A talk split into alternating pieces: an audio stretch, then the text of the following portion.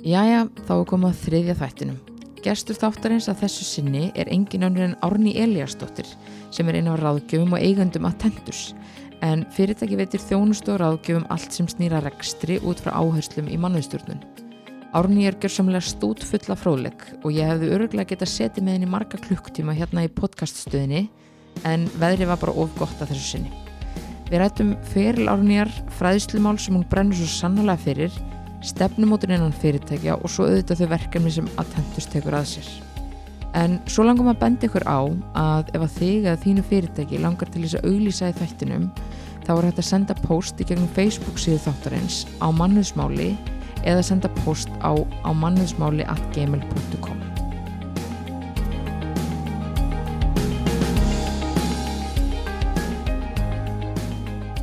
Jæja Arni, verður velkomin. Þakka þér fyrir hennur og bara óskaði til hamingi með þetta framtak hjá þér. Já, takk Bara- fyrir. Mjög gott að fá umræðu um mannesmál. Já, það er hérna, mér finnst stundum vanta smá umræðu um mannesmál Mm. og þá er þetta kannski ágættis vettfangur Emmitt. til þess að koma svona upplýsingum út í kosmosið. Mm -hmm. En það er ótrúlega gaman að fá þig. Þú hérna ert sko nánast hókin af reynslu án, án þess að þú sért nú hókin. Takk fyrir að bjóða mig, það er bara gaman að koma Já. og spjalla um þessi mál. Já, en mér hérna, það sem að svona, uh, ég fór aðeins yfir félagsgránaðin og svona, Mm. þú ert kennaramentuð. Já, Segðu Ég mér aðeins frá svona bara mentunin sem þú ert með. ég sem sagt uh, tók, uh, ég var í öðrum árgangi sem að tók próf frá kennarháskólanum. Sem sagt, vorum 27, það fækkaði mjög veruleg eftir að kennarskólinn gamli breyttist í, yfir í háskólasteg og við vorum 27 sem byrjum og, og mjög áhugavert nám og ég ætlaði nú aldrei að vera kennari þannig en mér átti rosalega gaman í skóla og eh, svo vildi svo til að ég var að aðstóða fyriröndu máminn í bara með lærdóminn og fekk ég svona ofbúslega mikið áhuga þessu þannig ég bara skellti mér í kenna og sé ekki eftir því. Nákvæmlega. Þannig að þú hefur svona fundið að þetta var eitthvað fyrir þig. Já, fannst mjög gaman að kenna og ég hef verið að kenna upp í háskóla alveg núna bara þannig til fyrir örfáum árum. Ég hef svona Já. alltaf haldið þessu svolítið við sko, þó sé langt sinni hætti grunnskóla. Einmitt. En þetta er ótrúlega starfi, gefur mann svo góða reynslu. En það er mikið samskipti, mikil verkefnastjórnun og þetta nýtist allt í, í því sem ég er að gera núna. Já. Ekki spurning sko. Já, einmitt. Bara svona einmitt að læra að miðla upplýsingum til annara svo þeir læri sjálfur af. Já, og skipilegja hlutina. Og svo er náttúrulega sko ráðgjastarfi greiðlega mikið samskipti. Þannig að það- það reynist manni að góð reynsla hafa þurft að glíma við bæði erfiða og indislega nemyndur. Já, einmitt. Já, já, að Krefjandi að báða vegu. mjög krefjandi en, en skemmtilegt starf. Já, eins og öll en nákvæmlega. sem eru skemmtileg eru líka krefjandi. Já, einmitt. En svo verður með félags uppeldisfræði. Já, Hvaðan sem sagt, þegar ég var búin að kenna í eitt ár þá ákvaði hjónun að flytja til útlanda en það öðlast mér í reynsla og við farum að fara svona inn í fastegna pakkan sem allir voru hoppin í á þeim árum. Þannig að, að við fórum til Osloar og byggum þar í þrjú ár og þá sem sagt fór ég eins árs framhalsnám í Oslo Lariskúle og það lína hétt sem sagt sosialpedagogik og gekk út á það að, að menta ráðgjafa, skólaráðgjafa sem að hérna var þá mikið umræðin í Nóri mjög gaglegt nám og, og, og síðan hef ég nú elskað Noreg þannig að hérna það er svona eins og mitt annað land. Mér stelt að vera að koma heim fyrir ekki þanga og svo semst í framhaldinu kendi ég eitt ár í Nóri Já, en gæstu þá tengt þetta nám eitthvað við kennaranámið eða eitthvað svoleiðis? þetta var bara framhaldsnám fyrir kennara. Já, það var byggt upp þannig sko sem Já. framhaldsnám fyrir kennara. Já. og þetta nýttist manni heilmikið í starfinu sem kennari sko Og hvað var verið að fara yfir eins og í þessu námi? það var verið að fara í sálfræði, félagsfræði, uppbyldisfræði og, og já, bara alls konar sem tengdist kennarastarfinu og, og bara það var mikil umræð á þessum árum sko um eh, hvernig var þetta að fá alla nefnendur með og það voru náttúrulega félagslega vandamál í Oslo eins og víðar og það var meðlans verið að kenna okkur að taka solismálum. Já, ömmit. Og það hefur þá reynst þér vel eins og bara í samskiptum og, og annað já. mér. Já, já, það reyndist mjög vel. Frábært. En einhver ástæða fyrir að Noregur var fyrir valinu? Það var nú bara tilvílin, Já, það var tilvílin, já, Já. já. Bara að- letum eftir. Já. en já, það er nú ekki amalegt, Noregur er nú fallegt land, þannig að það er nú ekki amalegt að hafa það svona sem setna Nei, nei. heimalandi. Nei, nei, nei, alls ekki, alls ekki. En hérna, uh, þú sem sagt starfar hana við kennslu og svo reitstjórn, allt til ásins 1998 Já. og þá hefur störf sem fræðslistjóri á Eimskip. Já, sko, ég kendi í tíu ári grunnskóla og aðeins upp í kennarháskóla. Eh, síðan gerist ég riðstjóri hjá námsgagnastofnu sem var líka, þú veist, ég held ég sé bara svo heppin, ég hef alltaf verið svo skemmtileg á störfum, mér finnst æðislegt að kenna og mér finnst æðislegt að prófa þetta því maður þróast í kennslinu og ég hef komið svo mikið áhuga fyrir námsefni á þessum, þessum árum og uh, fekk þetta starf hjá námsgagnastofnun að vera riðstjóri og það var mjög skemmtilegt og krefjandi og maður var í samskiptu bæði kennar á námsefnishöfunda og, og námsefnishöfunda voru bara alls konar, það voru kennarar, það voru fiskifræðingar og það voru alls konar fræðingar og mjög gaman að kynast öðruvísi fólki. Og svo sem sagt eh, fór ég í námsleifi frá námsgagnastofnun. Fór til bandaríkjana að læra það sem að kannin kallar Educational Technology eða Instructional Design. Og e, í því námi ég fór uppræðlega til þess að læra búti námsefni og við tókum alls konar kursa og í náminu var fólk sem sett bæð úr skólakerfinu, mentakerfinu og svo líka fólk sem var að stýra fræðslu inn í fyrirtækjum sem ég hafa nú lítið heyrt um. Reyndar heyrði ég um það í fyrsta skipti þegar ég var að bera út arbætiblaði í Oslo svona sem sumavinni þá þurfti ég að fara á eh, þryggja klukktíma námskeið um hvernig ég ætti að bera út blaðið og hvað ég ætti að leggja það og svo framvegist þannig að það kveiknaði nú eitthvað þá. En síðan semst þarna úti þá kynnist ég þessu og mér finnst þetta óheirilega spennandi vettvangur. Svo kom ég heim og var í tvö orðin námskörnumstofnun og, og það var svona ímislegt sem gera það verkum að mér langaði að, að sækja þetta starf sem var auglist hjá Eimskip fræðslustjóri og var nú mjög á báðum áttum hvert ég væri að fara og bara held ég væri að fara inn eitthvað kalla fyrirtæki og, og myndi aldrei njóta mín en við langaði að prófa eitthvað nýtt. Og það, það er bara svo reynsla sem hefur, sem ég vildi alls ekki að vera orðið af. Já. það var ótrúlega eins og sömu segja þetta var bara svona svo háskóla atvinnlífsins ótrúlega emskip komið mjög langt í sambandi fræðslustarf. Eiginlega á þeim tíma, þetta var 98 þá bara eiginlega langt á undan öðrum fyrirtækjum á Já, samt svona miða við bara markaðin. með við markaðin, það voru bankarnir og, og Eimskip og sem voru kannski og Æslander sem voru kannski framalegast þarna og maður læriði ótrúlega mikið og þá sem sagt læriði maður að vera hinn með borðið sem sagt að kaupa þjónustu af ráðgjöfum og svo náttúrulega vann mann mikið með stjórn, maður mikið með stjórnundum þannig að það sem mann hefur nýst með best í starfinu sem er í dag það er sem sagt eh, kennslan að hafa kent og skipulagt og allt þetta og samskiptin og svo þetta hafa unni með stjórnendum mjög mikið og, og hérna og eins og segi verið hinn með borðið þannig að þetta nýtist mér mjög vel í dag finnst mér Já, ömmit. En fannst þú geta nýtt kennarareinsluna inn, inn í þetta starf? Já, þess að starfið kannski hjá námsgagnustofnum vantilega líka? eiginlega allt, kennarastar, kennarastarfið starfi hjá námskakastofnun og svo námið úti sko það sem maður lærði þér sem sagt gera þarfagreiningu sem hefur kannski verið mitt svona, mitt svona aðal enginnismerkja, vil alltaf gera þarfagreiningu fyrir alla fræðslu, það lærði ég semst út í Ameríku og, og hérna og það eh, mig á lofti, bæði kennslunum minni sem ég var með upp í háskóla og, og svo bara í, í minni vinnu að, að semst eh, fræðsla skiptir máli fyrir fyrirtæki og hún er ekki bara svona einhver hilluvara sem þú kaupir að því að einhver er að reyna að selja það heldur skoður þarfinna fyrst og svo kaupir efni þegar það býra til eða hvernig svo þú gerir. Já, þannig, að, þannig að þetta ný- nýtist allt einhvern veginn sko. Já. En Þannig, hvað fólkst í starfinu hjá, hjá Eimskip? e, það fólst í því að stýra allir fræðslu hjá Eimskip sem sagt gera þarfagreiningu, hitta þá stjórnendur og í sumum tilfendu starfsmenn og finna út hverja voru þarfinnar skipulegja námskein, útbúa fræðslu dagskrá kynna það allt á innræðnetinu og, og við byrjum meir sjá að láta búið til rafrænt efni þannig að þessum árum, kringu Já, 2000 Já, og því ég hefði kynst ég aðeins út í Ameríku fannst það mjög spennandi og Einmitt. finnst enn sko. Já, og, en það var svo ótrúlega eins og við segjum í fræðunum sko, e- ef við ætlum að koma fræðsluna almennilega á framfæri þá þarf að vera stuðningu stjórnanda. Og það var svo sannlega hjá Eimskip. Stjórnendundu skildu algjörlega út á hvað það gekk.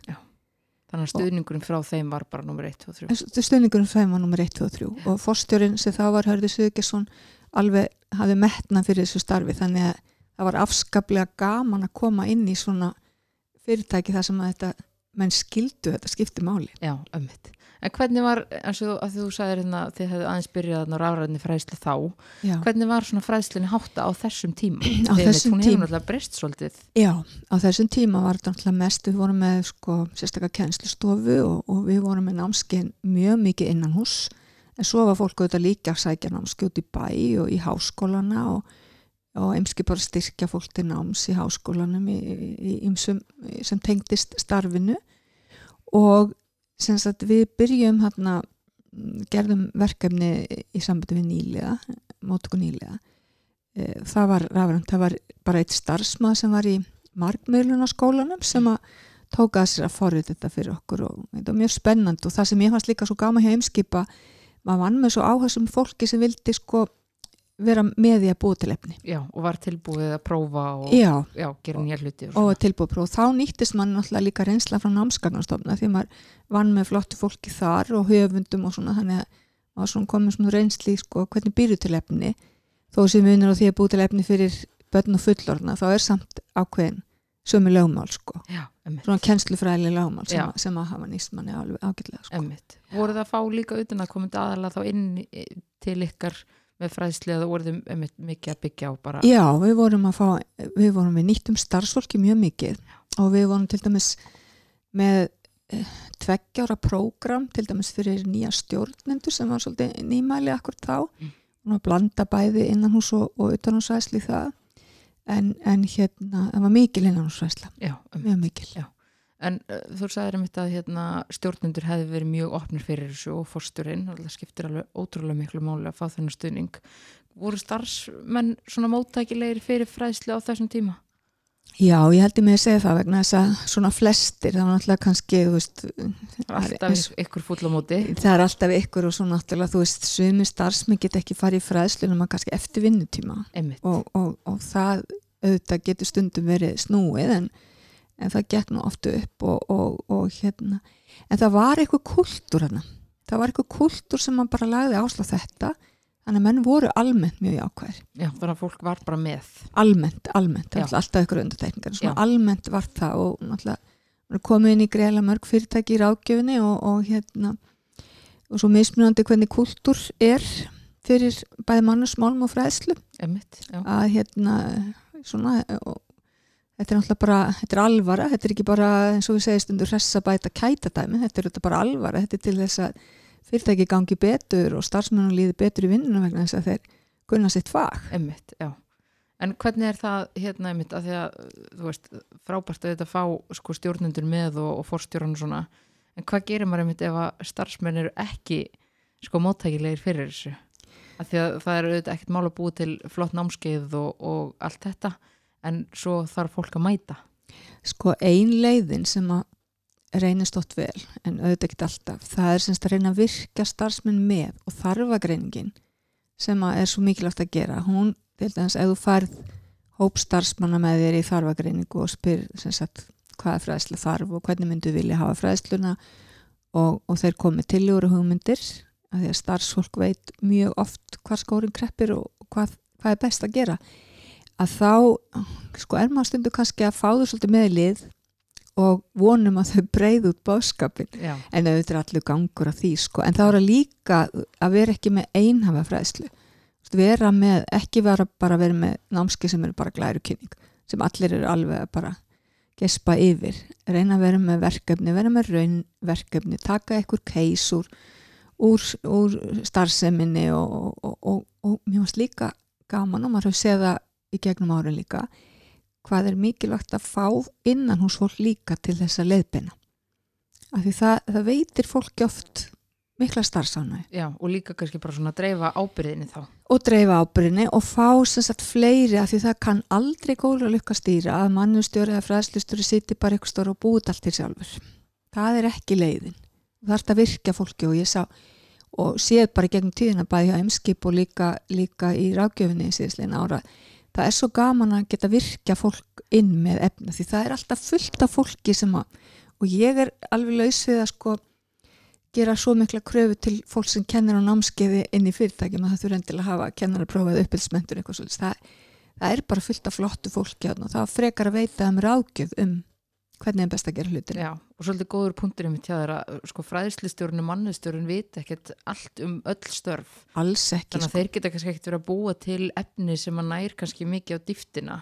Og þá er kannski hendur að fá um starfsfólk með í það. Það er bara mjög virkja það. mikilvægt og maður sér ofta að gefur starfsmann alveg heil mikið og maður er til dæmis að komin í fyrirtæki það sem við erum að innlega rafræna fræðslu svolítið mikið í dag með þetta LUMI kerfi og það sem við verðum aðstofa fyrirtæki við að innlega það kerfi að virka bæðstjórnendur og starfsfólki veist, hvað vil ég sjá hann í kerfinu? Hvernig, hvernig mun það nýtast ykkur? Eru þið með efni sem þið getið sett inn? Já, já, kemur í ljós að sumir eru búin að til myndbönd og aðrir eru búin að búið til leiðbynningar og, og þá ertu að fá sem sagt fleiri sem eigendur að kerfinu. Já, og það eru meiri líkur á að, þú, að fólk nýti það. Já, og Það er- virkja þá fleiri bara í leiðinni. Virkja fleiri og reyna að fá sko, þá sem eru áhuga sem eru að hafa vilja gera svona og allt þetta þú veist að það skiptir máli að fá sem flesta með sko. Já, ömmit og hérna hann við séum ekki bara að sitja hann og föndra sko. Já, hvernig fannst þér ömmit að því að þú þekkir þetta vel og hérna búin að vera að fylgjast með þessum fræðslumálu bara gegnum árin og vannst við þetta þarna. Uh, hver, hverja voru svona helstu áskoranir í fræðslumálum á þessum tíma? sko þessum tíma þá má segja að hérna, til dæmis að ég hef náttúrulega eins og búin að segja ég var heppin hjá Eimskip að, að mann hafði svona skilning á þessu þegar við fyrir síðan að vinna í rákjöfinni þá er ekkit allir með skilning á því að það sé mikilvægt að vera með þarfagreiningu. Einum við getum bara keift eitthvað námski þarna til þetta passa það ekki bara. Það er, það er alltaf augrun að, og svo er önnur augrun líka að menn halda stundum að öll fræðsla getur bara verið eitthvað glæru kynningar og það sé þetta komið að bara dengja þessi fólk. En auðvitað veit maður að fólk lærir mjög mismunandi og það þarf að vera með fjölbetra aðferðir og stundu vera aðstof fólk sem er að hjálpa okkur að búti námskeiða. Fólk er með mismunandi námstíla sumum hendar að sjá, öðrum hendar að, hendar að heyra, þriðið hópnum hendar að gera eitthvað, þannig að það þarf að vera mjög fjölbreytt og svo líka það sem er kannski langstasta áskorun alveg frá því ég byrjaði þessum bransa að tímaskorturinn. Já, bara tímaskorturinn og þú veist, stjórnendur þú býður þeim ekki upp á marga daga námskeið í beitt Nei, nákvæmlega. Alls ekki, þú veist, það er og, og hérna, sérstaklega og já, já, og, fólki finnst erfitt að fara frá skrifborunni í einhverja daga eða fara úr vinnunni, þannig að Mhm. það er mikil og þess vegna segjum við að rafrænafræslan og svolítið skemmtill dæmi sem ég fekk frá sem mannustjóri sagði á, á einmitt mentadegi atvinnlífsins, hún sagði hún var nýbúin að innlega eilúmi og sagði að það er stjórnandi ringt í sig og sagt ég var að hlaða niður hérna kunni kerfi, það tók þetta alltaf tíma meðan bara skellti ég mig inn í eilúmi og tók hérna eitt kurs að því að, að því við erum að reyna að búta niður Einmitt. í svona, í svona rafræni fræslukerfi eða, eða stafræni svo sem við vilja kalla það þá, þá viljum við þetta vera með minni eininga þannig að fólk geti nýtt þetta þegar þið hendar já, og það sem þið hendar þannig að sé ekki, þú eru ekki að fara í gegnum sko, klukktíma námski til að fá svar við ykkur. Já, þannig að það er svona svolítið þrón í það og það er auðvitað að koma til móts við þessa áskorun með tíman mm -hmm, mm. því það getur verið mjög erfitt að finna tíma fyrir námskið Já, þetta sé ekki allt bara þrýr klukkutímar að sé stundum bara tímyndur, 20 myndur, hálftími Já. þannig að þú getur bara svona gripið þetta með Já, með. og það er kannski það sem er kannski skemmtilegst áskorun í þessu ef þú ert að skipulegja fræðslu fyrir fyrirtæki að þú sért með marskonar, að fólk geti fengi bæði eða vil freka vera á, á staðinámskeið í þrjá tíma en svo getur kannski verið með sviparnámskeið rafrænt eða Já, að það er eiginlega þessi fjölbyrðleiki sem þarf að vera til staðar og við erum náttúrulega líka að fá bara þú veist kynnslóðin á vinnumarkaðin sem er bara fætt stafræn í raun og veru. og hún er komin inn svo kynslu sem er talað um sem, sem hérna seta kynsluðin sem er vært eftir 95 og, og hérna, þetta, er, þetta er fólk sem bara vant að vera með síman alltaf og, og vinnumarkaðin þarf að taka miða því að þetta er kannski ekkit fólk sem vil endilega fá lang námskeið og sitja í kennslustofu í marga tíma. Já, en svo kemur alltaf kannski inn í þetta líka er þessi sveigjanlega vinnutími Já, að, já. þú veist, fólk er situr kannski ekkit við skrifbóra sitt frá 8 til 4 þannig að það er kannski, það er meira að ferðast og það er kannski að vinna eitthvað á kvöldin, það er að skipta vinnutíðinum upp einmitt og getur þá einmitt gripið í fræðsli bara heima hjá sér veist, á kvöldin eða, eða yfir daginn sko. einmitt og bara í símanu þess vegna þannig að það er í flugi eða guðum þetta hvað sko. Þannig að það er alls konar, það eru þessar lesnur og þetta sér maður er að reyðja sig mikið til rúms núna. Já, ömmit og hérna, og alveg tími til komið því að sko það er alveg ég var út í bandaríkjana 94 til 5 og þá var sko komið þó nokkur umræð um þetta. En við erum nú fylgst svolítið með bandaríkjunum sóttur ástöfnir reglulega en mér finnst eins og það hef ekkit orðin eitt rosalega mikið þróun fyrir bara núna allra síðust ára, fimm árum það er betra að hlaða niður, það er, það er sem sagt netir orðið miklu stöður að öflura og, og, og þú getur verið með miklu starri skrár og allt þetta þú veist þannig að það er alveg gríðarlega miklu munur bara núna síðustu fimm árum. Um. og er að koma kerfi sem að eru miklu einfaldar í nótkun, eru nótendavætni og Já, bara einföld. einföld og nótendavæn og, og, og hérna og elúmi og, og fleiri kerfi þannig að það er, það er bara heilmikið bylting þarna Einmitt. Finnst þér svona, einmitt, ef þú horfið tilbaka á svona þróun fræðslumála, finnst þér svona helsta breytingin felast í þessu, já, stafræna þá? Eða er eitthvað fleira svona sem að, sem að þér finnst hafa kannski breyst mikið? Já, mér finnst sko það hefur breyst, mér finnst vera bara á síðustu kannski 10-15 árum sem er hafa breyst sko, skilningur stjórnenda vera aukast á því að þetta skipti máli og, og, og hérna ég held að sko helgis kannski pílna því að þeir sem eru til dæmis í, í námi í, í Háskóli Ísland segjum bara viðskiptafræði, þeir eru ofta að fá semst, um starfstrón í sínu námi sem var ekki áður. Og svo er þetta fólk að bæta mjög mikið við sig, það eru mjög margir inn í fyrirtækjum dag sem er búin að taka annarkvört stjórnun og stefnumótun. Og það eru þetta alls það að teki fyrir mannusmálin í dag í þessum kursum öllum. Og svo tala ekki um námi í mannustjórnu sem að þannig að maður sér að hérna, það meiri, miklu meiri skilningur á, á bara að mannusmál og, og, og fræðslumál skiptumáli Já, á þessum 20 árum sem ég er búin að vera í þessu fyrirtækja umhverfi eða vinnumarkas umhverfi því við erum þetta líka að vinna fyrir ofnbjörra stofnanir og skóla og alls konar að mér finnst þetta að breyst mjög mikið Já. fólk er átt að sem miklu meira mikilvægi þessara mála sko. En svo líka, hérna, finnst mér sniðut að allavega þar sem ég var að vinna þá gæti maður um eitt sótt uh, námskeið. Mm. og svo um eitt þegar ég hætti að þá gæti ég fengið yfirlit yfir þau námskeið sem ég sótti þannig ég gæti látið það fylgja með til þess næstu atunum já, já, þannig að þá svona sér svona kannski dreifist svona þessi bóðskapur um að fræslan skiptir svolítið miklu máli og, og þó sem maður sé búin að vera að vinna hjá okkur fyrirtæki í x langan tíma að þá maður búin að sækja líka á hverju námskeið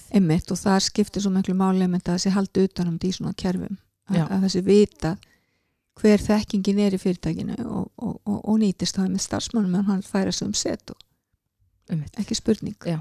er hérna eins og til þess að þú talar um hérna Elumi kerfið um, að því að þú nú hefur verið að, að bæta staðins inn í þessi kerfi að maður getur um, kannski byrja að hlusta og svo getur maður stoppað og komið svo bara aftur að þessu setna og stjórnendur geta þá séð hverjir eru búin að klára fræðsluna og hverjir ekki. Já, það er almennt í öllum þessum kerfum sko, sem er að koma núna á að það markaðin eh, svona hafi nýst vel einmitt, eins og kannski í þessari svolítið byltingu. Já, það er, stjórnendur vilja margir þeirra vilja fá að vita svona hvað þekking er inn í deildinni hjá þeim eða í fyrirtækinu. Já, en einmitt. þetta gefur alveg möguleika því sko Já, og það er alveg þessi learning management systems eru náttúrulega búin að vera lengi á markanum þau hafa verið með þetta en það sem þessi kerfi sem að sjá í dag eru til viðbútar að það er að búa til efni inn í þeim já, þannig að það ertu með þetta alltaf á einum stað Já, nákvæmlega.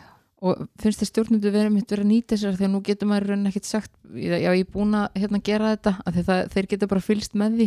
Er þetta eitthvað tæki sem að þeir kannski hafa verið að nýta sér meira? sko þetta þarf auðvitað menn þurfa að vennast þessu Já. Já.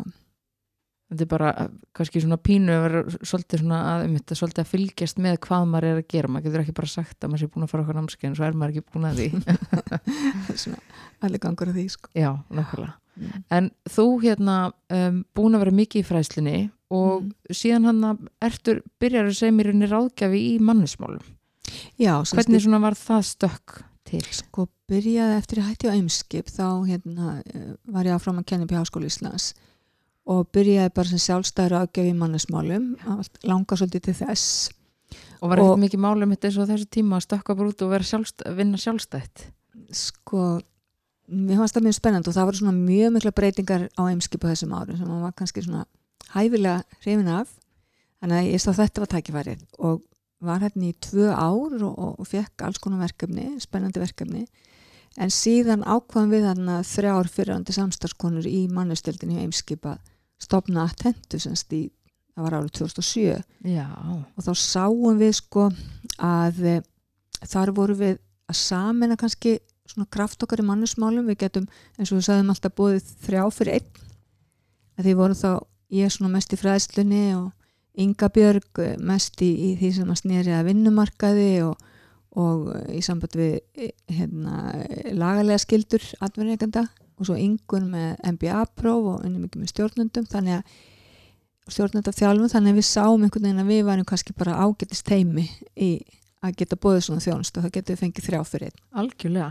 Og settu mjög fljótlega í lofti þessa, þetta hérna, hvað maður að segja þessa, þessa þjónustu sem heitir mannustjóri til leigu sem gengur út á það að fyrirtækið fær mannustjóra frá okkur til leigu og hann hefur ákvæmna viðver í fyrirtækinu kannski allt frá því að vera e, hálfu dag og tvisar í mánuði upp í það að vera tveir dagir viku sko. við máum verið með þetta, þetta mismunandi fyrirtæki og mismunandi þarfir. Og svo komum við hinn inn eftir bara þörfum eftir því. Og í dag er náttúrulega komið sko 12 manns í fyrirtæki þannig við erum með gríðarlega víða þekkingu. Einmitt. við erum með reynda mannustjóranum með vinnu, sálfræðinga, við erum með tölfræðinga og, og, og sagt, fólk sem er vant að vinna sem mannustjórar. Já, reynslu þar og, reynslu og þannig að við erum svona þá erum við að bjóða fyrirtækjunum svolítið marg þætta þjónustu en það hefum við séð það oft að fyrirtæki vilja oft kannski búin að vera með okkur eitthvað tíma en vilja fá okkur áfram í verkefni vegna þess að við þekki, þekkjum orð svolítið inn við hana. Já, ömmit og þá hefum við svona verið einmitt að vika svolítið út þjónustunum þannig við getum svona Tekið á sem flestum. tekið á sem flestum málum og til dæmis með, með hérna, markþjálfa og vottaða markþjálfa og, og hérna eins sem að koma inn til okkar í fyrra án drífa sem að hefur verið með, með hérna, jafnlunavottunum Ömmit, yfir henni. Ömmit þannig að við erum svona að reyna að geta bóðið þjónustu. Já, reyna svona Alls- snerta þá sem flesta fleti hjá fyrirtækjanum Já, já, að við segjum að þjónust okkar, hún lítur að rekstri fyrirtækja með áherslu á mannustjórnum, þannig að við erum að koma inn í alls konar máli í fyrirtækjum, sko, sem að, eh, og við segjum bara stundu líka að mannustjórnun er þetta bara stjórnun, sko. ömmit Þannig að það er svona þess að þetta mikla samstarfi stjórnundur leggja mikið upp úr því. Já, nokkulega En hvernig er það, svona, uh, án þess að kannski nefna ykkur, nefna ykkur sérstök fyrirtæki, hvað, hvernig fyrirtækjum hafið þið verið í samstarfi við? Að því að nú kannski svona í stærstu fyrirtækjunum að þá er mannustjóri og það er mannusteild. Svona hvernig hefur þetta, hvernig hefur þetta spilast hjá okkur? sko, við hefum verið mannustjórnur leigu í alveg frá kannski 20 manna fyrirtækjum upp í 700 manna fyrirtæki. Já, og í sömu tilfellum hefur kannski verið e, fræðslustjóri, starfstrónastjóri inn í fyrirtækjum sem hafa verið okkar megin samstags aðlega svona tengiliðir. Ömmit. en við höfum séð um all mannesmál fyrir viðkomandi fyrirtæki í, í bara við höfum verið alveg upp í 6-7 ára þannig við höfum verið með stór fyrirtæki, við höfum verið með þó nokkuð í sjávarútveginum, við höfum verið með sagt framlegslu fyrirtæki við höfum verið með auglýsingastóður, við höfum með ferðarþjónustu við verið með ráðuneyti við höfum með öryggisfyrirtæki þannig við höfum með eiginlega mjög svona hvað maður að segja víðan Fjölbreytt. fjölbre, fjölbreyttan kunnahóp sko.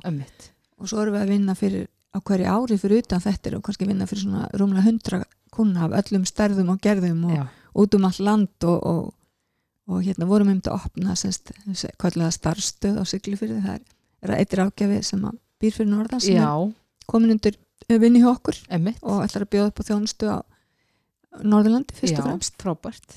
þannig að hérna, því við höfum verið að vinna fyrir fyrirtæki og svo vorum við í e, nokkur ár unnu fyrir menningamálar ráðnetið og gerum útæktir á skólum út um all land Já, sem var gríðarlega góð reynsla. Þá vorum við að gera útæktir á sem sagt hvort þau væri fylgja námskrá, hvernig stjórnunu væri hvernig starfsmannamálunum væri háttað árangur á prófum og svo framvegis og, og gríðarlega spennandi og, og yfirgrips mikil verkefni. Já, og við höfum stundu verið að taka líka úttektir fyrir annur ráðnett og svo gerum við líka oft úttektir á mannusmálum bara já, almennt sko. En hafið þá við líka verið að koma inn sem stuðningur að það er mannustjóri fyrir, hafið þá verið að koma inn sem stuðningur bara, emitt, í svona fjölbreytnum verkefnum minna fyrirtækis? Já, þá erum við svona kannski og við höfum verið með samninga við fyrirtækjum að við séum bakkjarlar Já, og emitt, þá er þið bara með áskrift að ykkur ákveðni þjónustu Já. og geta svo haft samband við okkur að það er eitthvað já, sem bara svona ákveði stuðningsnetturinn. Já, Já, og það er sko mannustjórum finnst að stundu vera svolítið einir þannig að mörgum finnst gott að hafa eitthvað svona svona Já. að geta rætt máli við og, og, og, fengi kannski inn eða þann bakkjál eða þegar við erum bakkjál þá erum við náttúrulega öll kannski bara svolítið á vaktinni sko. Já, ömmit. Því Þannig líka oft er kannski bara einn mannustjóri eða, eða kannski einn eitthvað ráðgjafi með. Já, Þannig að það er kannski gott að geta gripið í eitthvað sem að þekkir málin vel. já, já og fá svona þess að yfirsýn sko. Veist, þannig að hérna það er oft gefist vel sko, svo er náttúrulega bara í alls konar svona stökum verkefnum sko, sem þetta inn en mannustjórnir leigu hefur verið svona okkar stærsta uh, stærsti þjónustu þáttur og nú náttúrulega jafnlunavottunin líka Já, já. mjög mikið sko já, ömmit.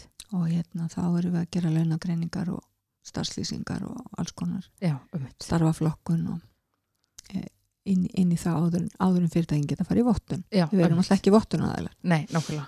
En þú myndist það áðan að þið væri með hérna vinnusálfræðing líka. Já, Hvernig- Já, hvernig hefur það svona nýst ykkur? Hafið þá verið að taka mikið á líka svona eins og samskiptum innan fyrirtækja og menningu og svo leis? já, Já. og, og einelti og sem sagt, með vottaða vinnusálfræðing frá vinna eftirlitum sem getur tekið á svona ágrinnsmálum, sálfræðilegt áhættumat sem erum líka að gera og þessi mál hafa þeim, þau hafa aukist tölvöld mikið Já. einelti og kemfyrslega áreitni og fleiri Já. svona erfið samskiptamál Ömmit og bara, bara kannski í takt við umræðina svona senstu kannski á 2-3 ára eitthvað svo leis? já, nákvæmlega sko en það hefur komið mikið inn á svolismál Já, en hvernig finnst þér svona verkefnin hafa þróast svona síðan þið stopnuðu þetta 2007?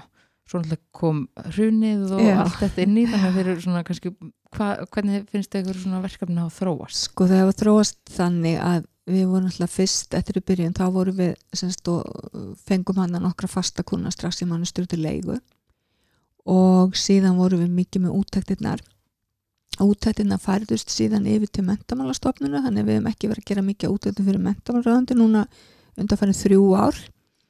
Eh, við höfum séð sko við erum hérna þessi samskiptamál erum fann að taka meiri, meiri hluta og jaflunavottunin mjög mikið.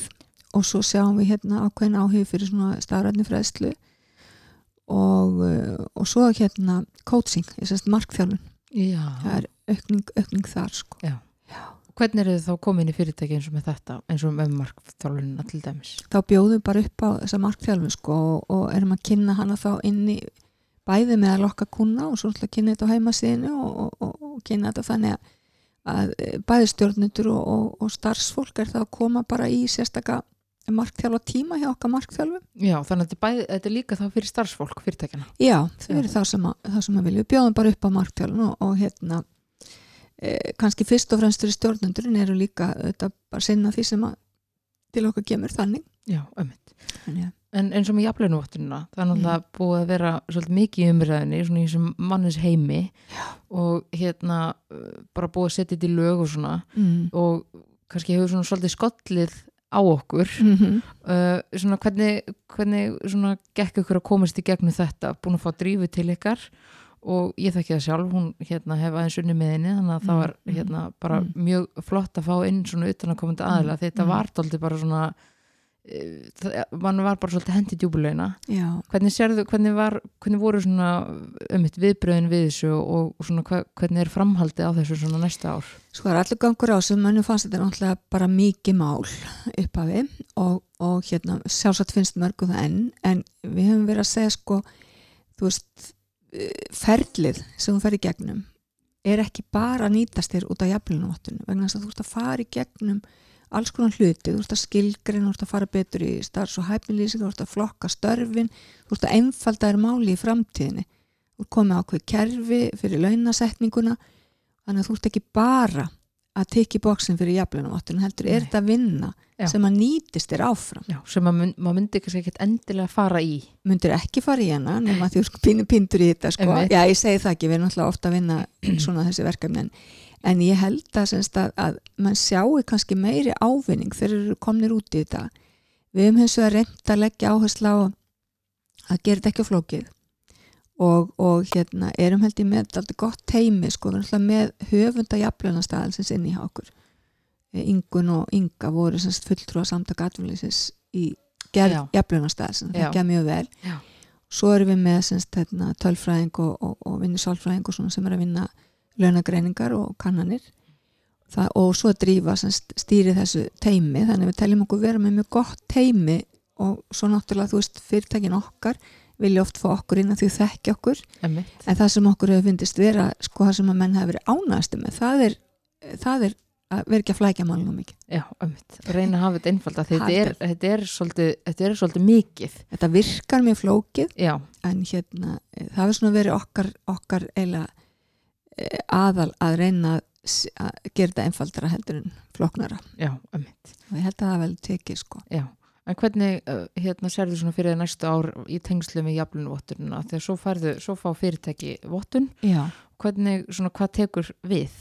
Sko ég held að það þarf alltaf einhverja ákveðna endun í sko, og fólk verður að fara í gegnum og skoða og það er náttúrulega getur verið gott að fá utan að koma til ráðgjáð til að hjálpa sig við það en svo getur Mhm. líka verið að fyrirtækin getur bara unnið það sjálf. Já, af því að hafa fengið vottun eins og það er bara spurningum að viðhaldinni Já, en þú þarf alltaf að gera náttúrulega launagreiningar og eitthvað svona áfram sko. Er það ekki, ég held að sé einu svona tvisur ári sem maður Mm, þarf að, mm, að er- fá það? Já, er en ég held að sé aðalmáli að, að, að, að líta á þetta sem tækifæri líka. Eh, ekki, ekki bara sem, eins og ég sagði að tekja bóksin fyrir, fyrir, fyrir lögin. Já, að hérna, En uh, svona ef þú horfir kannski að þetta tilbaka á þessu svona fræðslu og mannismál Mm. undan svona, já, kannski sensta ár mm. uh, hvað finnst þér svona að hafa breyst? Svona hvernig, hvernig hefur þróunin svolítið verið? sko þróun náttúrulega hefur verið svo að við erum að fá miklu fleira fólk út á markaðin með þessa mentun og við erum að sjá mannustjóra inn í miklu miklu fleiri fyrirtækjum og stofnunum heldur en bara fyrir tíu árum það er bara mjög algengt í dag að það eru komni mannustjórar inn í, í flest og, og þeir eru sko það er líka gæst finnst mér að sko mannustöldurnar eru farin að leggja enn meira upp úr því að vera í góðu samstarfi við stjórnunduna því að, að, að það sé ekki bara deildir sem að eru svona sko eins og já það er svona þær þurfa að vera í mjög góðu samstarfi við stjórnunduna og vinna þetta með þeim.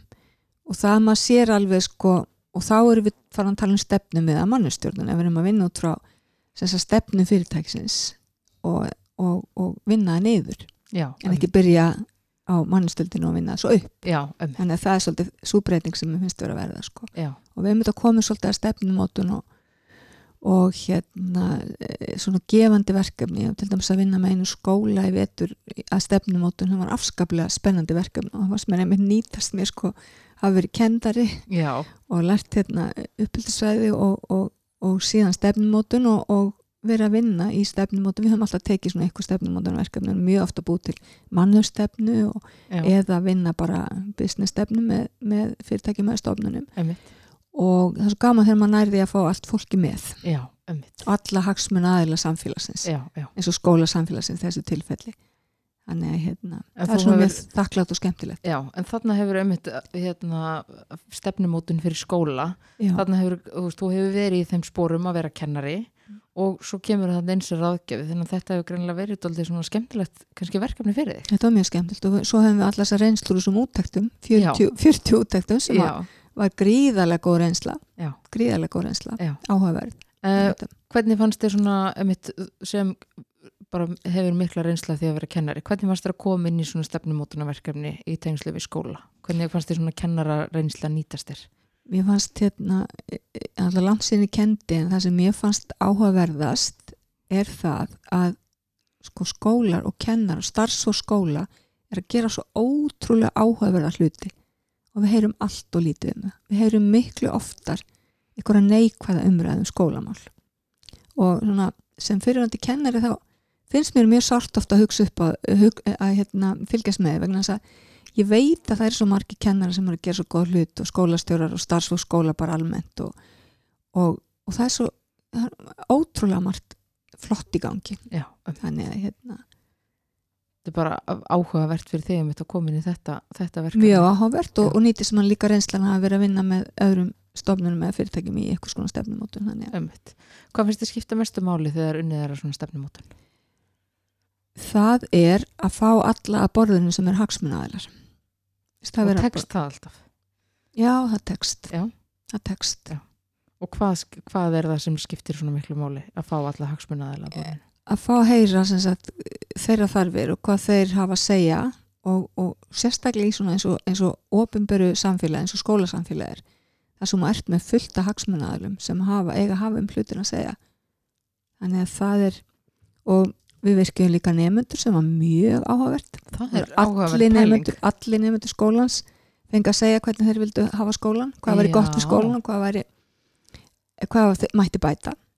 Þannig Er að- það nýr eh, svona vingill sem að þið ákveða að taka að því að, einmitt, það eru fullt af skoðunum þar Já, fullt að skoðum það. Nei, veist að í allri svona vinnu sem við verum með í samtöðu stefnum, hvort sem hefur verið heldastefna eða mannustefna, þá reynum við allavega alltaf að vera með rínihópa starfsmanna eða senda út kannanir eitthvað til þess að fá að heyra í fólkinu. Já, og sérstaklega hérna, já, og kannski ákveðin leið til þess að láta fólk vita að hér er verið að vinna ákveði verkefni og við viljum fá að heyra frá ykkur. Mjög góð punktur, þetta er líka vettvangur til þess að kynna verkefni því það er, ég held að það sé nú minga en það var stundu sem við sáum sko, stefn, já, við fórum hann í stefnumótun fyrir fimm árum en byrju, hvar er hún?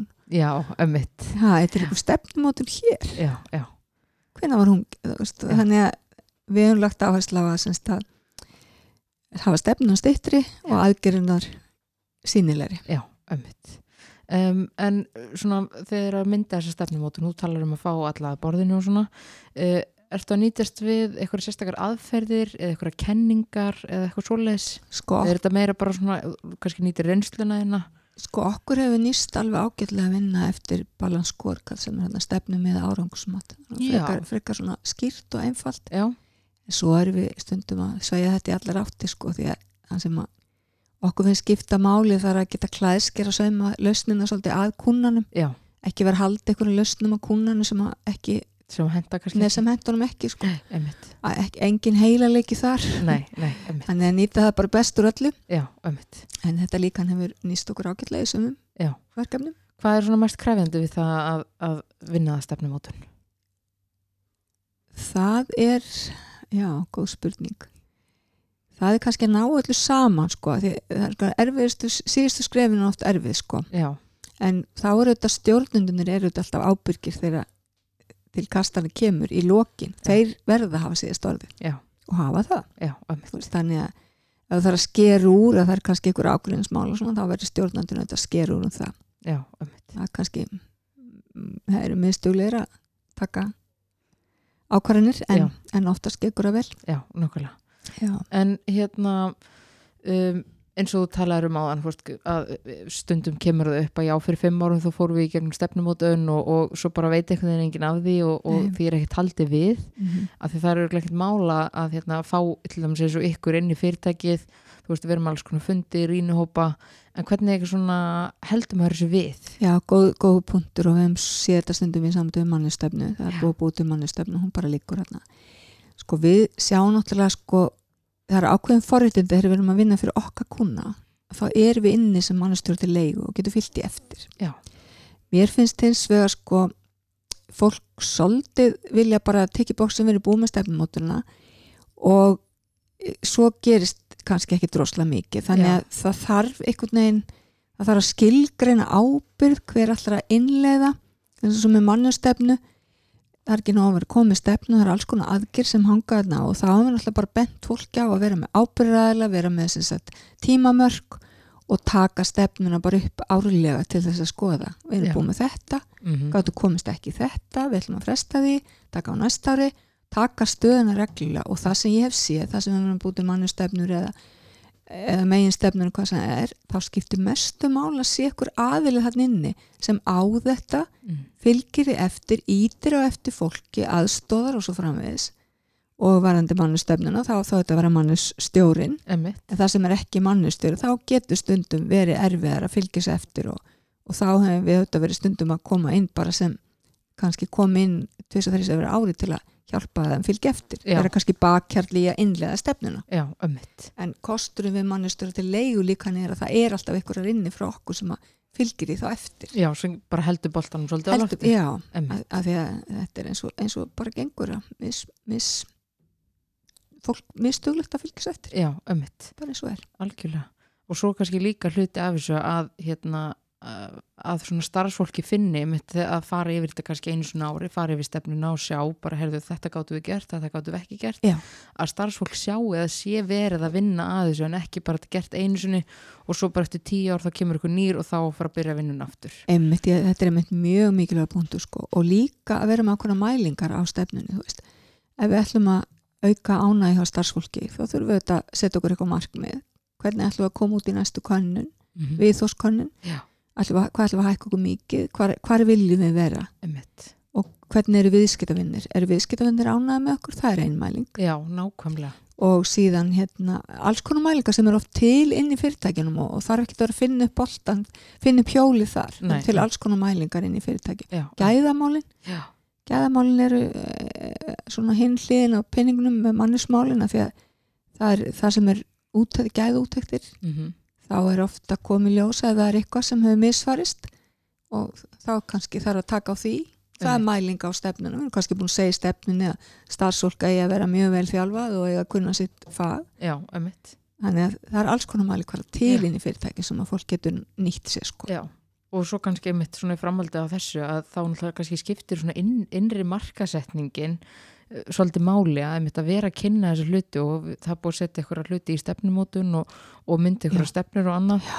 og svo þarf líka að koma þessu til starfsfólksins og að það viti við ráleikjum nú almennt sko þegar ef er búið til svona að setja þetta bara á heimasíðina þú veist, allavega stefnuna sjálfa helstu aðgerðir þannig að kynna þetta vel fyrir öllum og, og þetta sé bara sýnilegt plagg. Já, það sé ekki eitthvað skúfuplagg sko. Nei, nákvæmlega, þannig að það er líka eftir að benda starfsfólki á að þe- þetta er á síðunni, já, þú er þetta nálgast þetta á internetinu og, og Já. fleira. já, skiptir greiðlega miklu máli Já.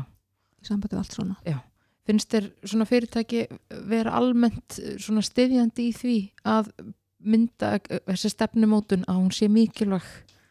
Já, mér finnst að vera aukning sko og, og, og við erum oft kallað til til dæmis til að gera mannu stefnu og, og, og svona gefa ráðum hvernig er þetta innleðana og hvaða verkefni þetta fara í strax og Já. þar fæmdi guttunum sko. Já. Já, mér finnst vera mér finnst bara í heildin að vera sko við erum að sjá sko miklu faglegri vinnubröð Já, mjög víða. og kannski líka af svona kannski tímatni núna að veist, fólk er að átta sig á því að það þarf bara ímsa hluti inn í fyrirtæki svo að þið fungeri og geti fungerað vel Emmitt, við hefum sko oft þegar við erum að vinna með stjórnundum að sína að mér hvort þú þekki líkan Paul Kearns Já. um þrepin í mannustjórnun sem eru mælt hérna í kranitransóknin sem er gerðin um tvekjar fresti Einmitt. og við sjáum alveg hvernig Íslendingar hafa færst til hægri á líkaninu því að við segjum stundum að þú kemst upp á líkan fjögur að þá ertu komið mannustjórnun sem skiptir máli í fyrirtækinu Já, hún er farin að skila þér betri rekstri og ánæri starfsfólki. Mm og, uh, og þá þrep 0 þá er bara ekki neitt hjá þeim nema þú kannski bara borgar út laun og búið sko. Já, og svo er þetta svona þrepa þrepu og þegar þú ert komin þrep fjögur þá ertu komin með hlutina svolítið faglega og, og, og, og þá er, er þetta skila sér miklu betur Já. og það er þessar rannsóknar að sína sko. og hérna gaman að sjá hvernig Íslendingar hafa svona þoka sér til hægri á þessu, þessu líkani eftir því sem árin líða. Þeir hafi byrjað, byrjað að sko, taka þátt í þessari kranitransók sem er, það eru nokkuð mörg land sem er þar undir. 2006, þannig að það er alveg heilmikið breyst á þessum 13 árum. Já, Já, já.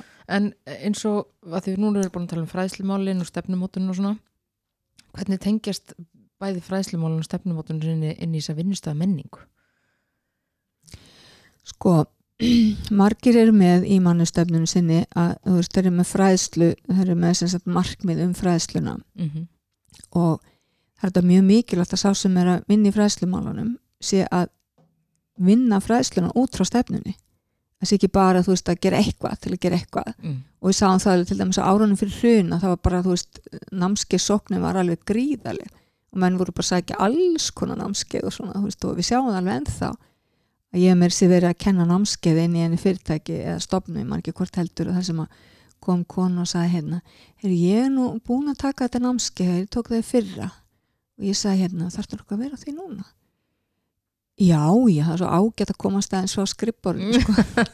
Þannig að sko, fræðsla má ekki fara að fara í þennan pakka og Nei. eftir því sem að sko menn eru duglir við að móta stefnu og hengja aðgerir á stefnuna þá erum við að ná miklu svona meiri stefnu miðari fræslu til Já, dæmis já, og bara öll, öll, öll mannusmál já, þannig ég held að það sé við sjáum alveg, já, já, við sjáum að það er að verða miklu meiri fagmennski öll. Já, nákvæmlega.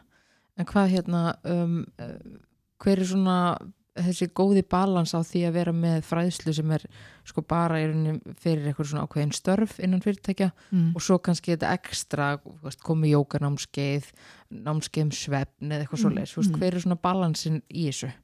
Sko ég held, maður bara alltaf að skoða eh, hver er þetta skil okkur ég meina, ef við höldum að námskeið jóka sé að skil okkur sem sagt betri starfsmunum, meiri afköstum betri líðan hjá starfsfólki meiri ánægi Já.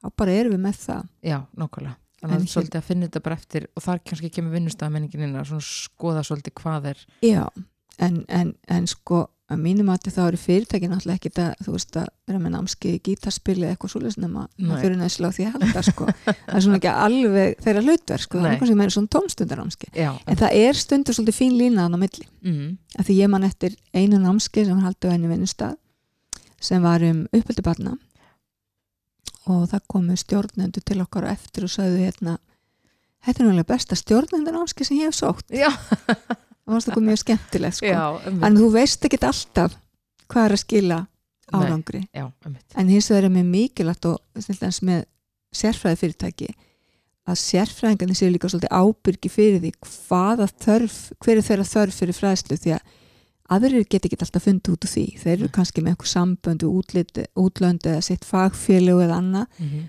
og þá vita þeir náttúrulega kannski best hvað það er sem að þeir þurfa að sækja og hvert er ég að sækja það. Já, og hérna en svo alltaf ráðlöki við þá að, að maður séu kannski samvinni við sinn yfirmann og alltaf Já. sko hvort að fyrirtæki vil styrkja eða starfsmyndasöðunni sem hafa verið duglega að styrkja líka.